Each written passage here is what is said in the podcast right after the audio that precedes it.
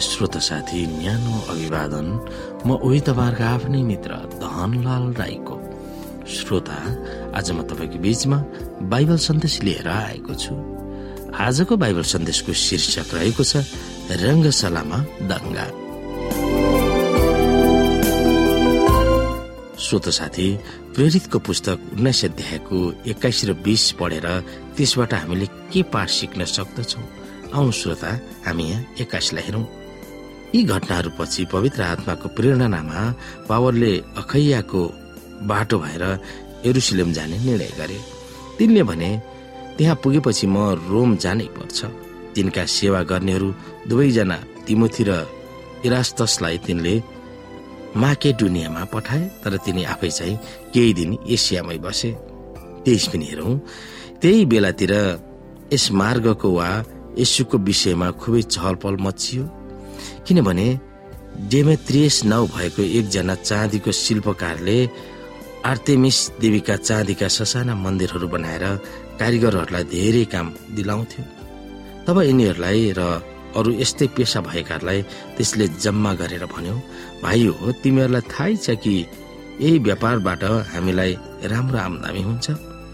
तिमीहरू देखिरहेका छौ र सुनिरहेका छौ कि एफिसमा मात्र होइन तर प्राय समस्त एसियामा हातले बनाएका देवी देवताहरू चाहिँ केही होइन भनी पावरले धेरै मानिसहरूका समूहलाई भहकाई लगेको छ।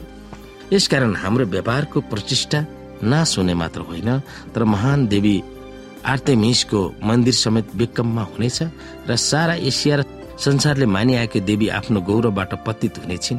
यो सुनेर तिनीहरू रिसले चुर भए र बेसीहरू कि आर्तेमिस महान हुन् भनी चिच्याउन लागे। सारा सहरमा होहल्ला मचियो र तिनीहरू एकजुट भएर पावलका सहयात्री माके दुनियाँवासी गाइस र अरिस्तार्खसलाई समातेर रङ्गशालाभित्र घिस्याउँदै लगे। पावल मानिसहरूको भेटमा जान चाहे तर चेलाहरूले तिनलाई जान दिएन। एसियाका कतिपय प्रमुख मानिसहरू पावलका मित्र थिए। तिनीहरूले पावललाई रङ्गशालाभित्र नजानुहोस् भन्ने बिन्ती गरी पठाए। तब तिनीहरू भिन्न भिन्नै कुरा गर्दै चिच्याउन लागे। किनकि त्यो भेटमा होहल्ला मचिएको थियो र धेरै जसो मानिसहरूले त तिनीहरू किन जम्मा भएका हुन् सो पनि जानेका थिएनन् भिडका कति मानिसहरूले अलेक्जेन्डरलाई अघि सारे जसलाई यहुदीहरूले खडा गरेका थिए। अलेक्जेन्डरले हातले इसारा गरेर मानिसहरूका सामान्य बचाउको निम्ति केही भन्ने इच्छा व्यक्त गरे। तर तिनीहरूले त्यो त यहुदी रहेछ भन्ने थाहा पाएर सबैजनाले एक स्वरले करिब दुई घण्टा जति एफिसीहरू कि आर्तेमिस महान हुन् भन्दै कराए। नगरका हाकिमले मानिसहरूलाई शान्त पारेपछि भने एफिससका मानिस हो। एफिसीहरूको सहर चाहिँ महान आर्तेमिसको मन्दिर र आकाशबाट खसेको उसको मूर्तिको रक्षक हो भन रक्षक हो भन्ने कुरा कसलाई थाहा छैन र? तपाईँहरू जान्नुहुन्छ। यो कुरा अकाट्य छ। यसकारण तपाईँहरू शान्त हुनुपर्छ र कुनै उताउलो काम गर्नु हुँदैन किनभने तपाईँहरूले ल्याउनु भएका यी मानिसहरूले मन्दिर लुटेका छैनन् र हामी देवीको अपमान पनि गरेका छैनन् र हाम्री देवीको अपमान पनि गरेका छैनन्। यसकारण यदि डेमेत्रियस र तिनीसँग हुने कारिगरहरूको कसैको विरुद्धमा केही उजुर भए अदालतहरू खुल्ला छँदैछन् र न्यायाधीशहरू पनि छँदैछन्। तिनीहरू एक अर्काको विरुद्ध मुद्दा लडुन्। तर यसबाहेक अरू कुनै विषय उठाउन चाहनुहुन्छ भने त यसको फैसला नियमित सभामा हुनेछ। किनकि आजको यस हुलदङ्गाको दोष हामीमाथि लाग्ने खतरा छ। किनभने यो कारणै बिनाको दङ्गा फसादको केही स्पष्टीकरण हामी दिन सक्ने छैनौँ। यति भनेर तिनले सभालाई विसर्जन गरे।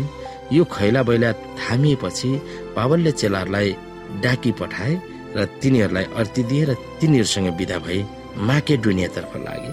धनाध्य र सुसम्पन्न एफिसमा पावलको गवाई प्रभावकारी थियो। त्यहाँ धेरै मानिसहरूले यसोलाई विश्वास गर्न पुगेका थिए। उनका कदमले सहरको आर्थिक क्रियाकलापमा नै धक्का भएको थियो। यस सहरमा आर्तेमिस देवीको भव्य मन्दिर थियो।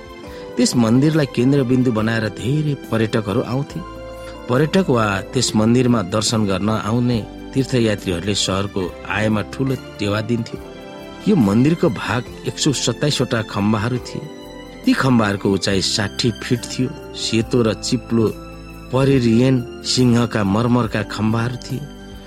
मूर्ति कलाहरूमा प्रयोग गर्ने त्यो पत्थर धेरै महँगो थियो। सैतिसवटा खम्बाहरू सिंह मर्मरका थिए र तिनीहरूलाई सुनले ढाकेको थियो। पौराणिक संसारका सातवटा आश्चर्यहरूमा यो पनि एक आश्चर्य मन्दिर भनेर प्रख्यात थियो। हातले बनाएका देवी देवताहरू परमेश्वर होइन भन्ने पावलको प्रचारले एफिसमा रहेको देवीको मन्दिरको आय आर्जनमा धक्का भएको थियो। डेमेत्रियस भन्ने चाँदीको शिल्पकारले आफ्ना केही कारिगरहरूलाई उचाले अनि पावल र अरू चेलाहरूको विरुद्धमा बजारमा दङ्गा मचाएर मानिसहरूलाई रङ्गशालामा जम्मा गराए। त्यस रङ्गशालामा करिब पच्चिस हजार मानिसहरू बस्ने ठाउँ थियो त्यहाँ हुल्ला जम्मा गरेर एफिसीहरूकी आर्तेमिस महान हुन् भन्दै कराएका थिए। करिब दुई घन्टासम्म त्यहाँ भिडले त्यही भनेर ओहल्ला मचाइरहेको थियो। केही समयपछि नगरका हाकिमले त्यस भेटलाई सम्झाएर सामसुङ त पारे। त्यसपछि पावलले विश्वासीहरूसँग भेटघाट गरेर एफिसस सहर छोड्छन्। आफ्नो तेस्रो सुसमाचारी यात्राको अन्तमा पावलले एफिसी चर्चका एल्डर अर्थात् अगुवाहरूलाई भेटेर आफ्नो चिन्ता व्यक्त गरेका थिए। पावलको त्यस चिन्तालाई तपाईँले कसरी संक्षिप्तमा वर्णन गर्न सक्नुहुन्छ? तिनले मिलेटसबाट एफिससमा मानिस पठाएर मण्डलीका एल्डरहरूलाई बोलाइ पठाए। जब तिनीहरू तिनी कहाँ आए तिनले तिनीहरूलाई भने एसियामा पाइला टेकेको पहिलो दिनदेखि नै मैले समस्त समय तपाईँहरूका बीचमा कुन किसिमले बिताए सो तपाईँहरू जान्नुहुन्छ। पूर्ण नम्रतामा आँसु बगाउँदै यहुदी षड्यन्त्रको परीक्षामा पनि मैले प्रभुको सेवा गरेँ। तपाईँहरूको लाभ हुने कुरा तपाईँहरूका सामान्य घोषणा गर्नदेखि घर घरमा सबैका सामान्य तपाईँहरूलाई शिक्षा दिनेदेखि म पछि हटिनँ। यहुदीहरूलाई र ग्रिकहरूलाई पश्चाताप गरेर परमेश्वरपट्टि फर्कुन् र हाम्रा प्रभु यीशु ख्रिस्टमाथि विश्वास राख्नु भन्ने कुराको गवाई मैले दिएको छु। अब हेर्नुहोस् म पवित्र आत्मामा बाध्य भएर एरुसलेमतिर जाँदैछु। त्यहाँ मलाई के कसो परि आउने हो सो म केही जान्दिन।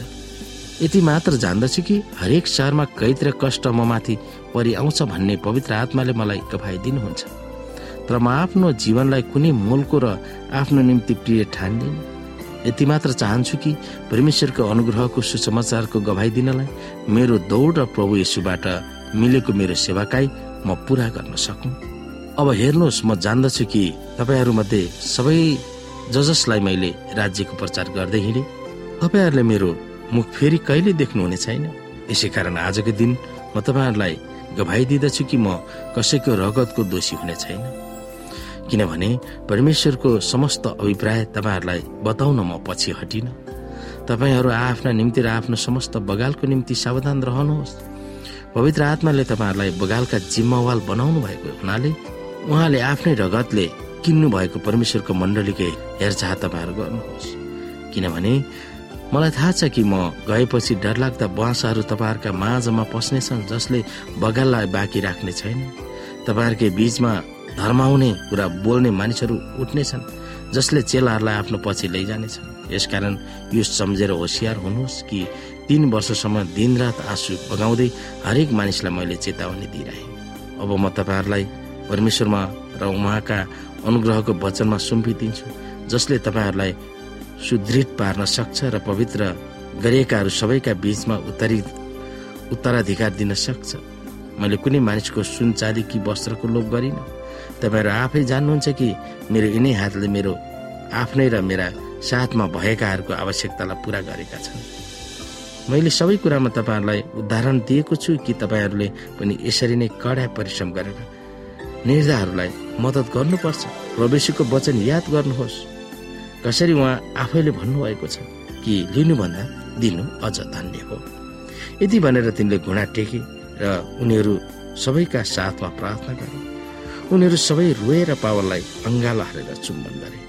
उनीहरूले फेरि कहिले तिनको मुख देख्ने छैनन् भनी बाबाले भनेका कुरामा तिनीहरूले ज्यादै शोक गरे अनि तिनीहरूले तिनलाई जहाजमा पुर्याए र विदाई गरे। श्रोत साथी यिनै कुरामा हामी विचार गर्न सक्दछौँ। श्रोता आजको लागि बाइबल सन्देश यति नै। हस्त नमस्ते जय मसिंह।